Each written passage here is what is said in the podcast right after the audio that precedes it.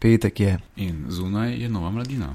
Že 36. po vrsti letos z mano je novinar mladine Borut Mekina. In vi ste? Izak Košir.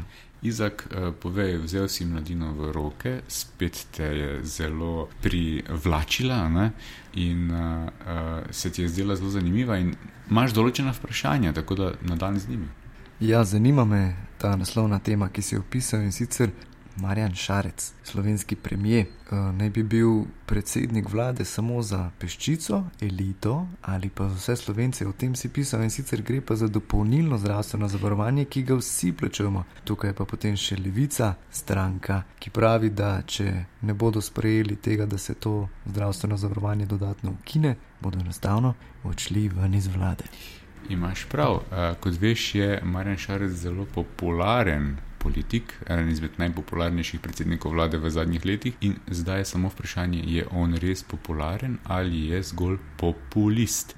In verjetno se bo to razkrilo v jeseni, ko se bo moral odločiti. Na mizi ima zdaj odločitev, ali bo eh, sprejel ukrepe v prid 16.600 najbogatejših, to pomeni, da bo obdržal dopolnilno zavarovanje, ali pa bo to reformiral kar pa bo v interesu 2 milijona ostalih. Če pa vzamemo vse te velike debate in dileme, eh, to dopolnilno zavarovanje, ki ga imamo sedaj, in to po različnih anketah ve že 80 odstotkov ljudi, je inštitut, ki je namenjen bolj določeni kliki, premožnejšim skupini, eh, določeni skupini eh, gospodarstvenikov, iz, iz določenega kroga, in že 16 let poskušamo to, poskušajo to različne vlade ukiniti, pa jim ne gre.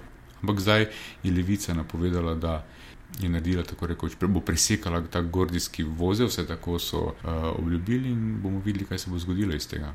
O tem, za kakšne lobije zdravstvene. Pravzaprav gre je pisal v vodniku tudi eh, urednik mladine Gregor Povš. Nekaj me pa zanima, kritiki pravijo, da bo z ukinitvijo dopolnilnega zdravstvenega zavarovanja pravzaprav nastal en velik manjko, ena velika finančna luknja. Stvar je enostavna, mi skozi dopolnilno zavarovanje vplačamo 500 540 milijonov, eh, od tega denarja gre naprej 400 in nekaj pride do bolnic, vmes zgine 65 milijonov vsako leto. Eh, če se mi pogovarjamo o nekih korupcijah v zdravstvu, kar smo se v preteklosti neprestano, je 65 milijonov.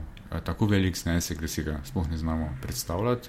Zgolj z prenosom tega zavarovanja na, uh, ker namreč teh 65 milijonov gre za, bomo rekli, provizije, administrativne stroške, teh, uh, za delovanje kvazi trga zasebnih zavarovanj, zgolj s prenosom na javno zavarovalnico bi večji del teh 65 milijonov privrčevali. In to je ena zgodba, to je bistveno, drugo pa je, da bi uh, pri tem prenosu lahko ta prispevek naredili bolj solidarnejši, ker zdaj ga, kot veš, vsi plačujemo 35 evrov, ne glede na torej, upokojenci z minimalnimi pokojninami in management.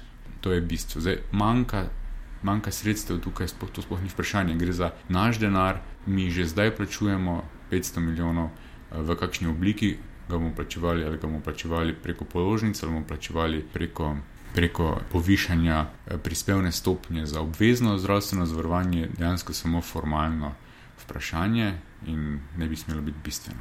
Skratka, za zdravje gre, si zapisal že v naslovu. Kako pa kaže, bo levica še sodelovala z vlado naprej ali se v to sliko zdaj približuje NSI?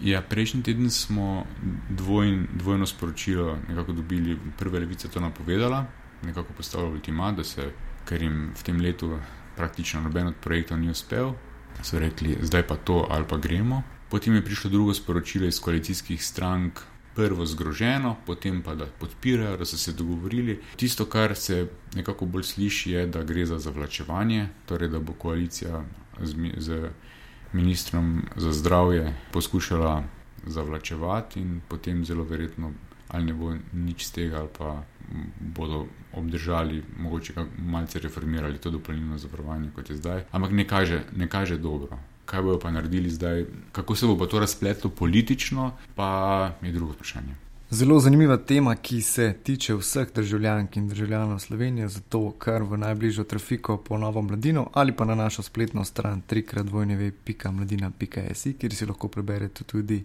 v digitalni obliki. Uh, Borut, kaj si pa lahko še drugega preberemo, poleg tvojih stvaritev? Ja, eh, od, Staš odlično je napisal o, o požarih v Amazoniji, analiziral vse, zakaj prihaja do njih, zakaj, eh, kaj je posledica, eh, ali pa recimo tudi o kremah. Imamo eno temo, ne, ne politično o kremah, koliko kreme pomlajujejo, je to fake ali so učinkovite. Eh, preberi si, mislim, zanimiva zadeva. Misliš, da potrebujem že kakšno kremo za pomlajevanje? Ja, viš, da ko se, se smejiš, je to očitno. Aha, še dobro, da me ne vidijo veliko krat, ko se smejim. V Borut, telefon ti zvoni, ampak ne morem verjeti, na zaslonu se je spisalo ime Gregor Golobič. Ja, pardon, le spet me kliče. Uh, moram, moram iti. Uh, Grega, uh, kaj si rekel, da Marjano poveš? Kaj si rekel, da Marjano poveš? Uh, poslušalci in poslušalke, uh, to je bil Borut Mikina, mi pa se slišimo spet prihodnji petek.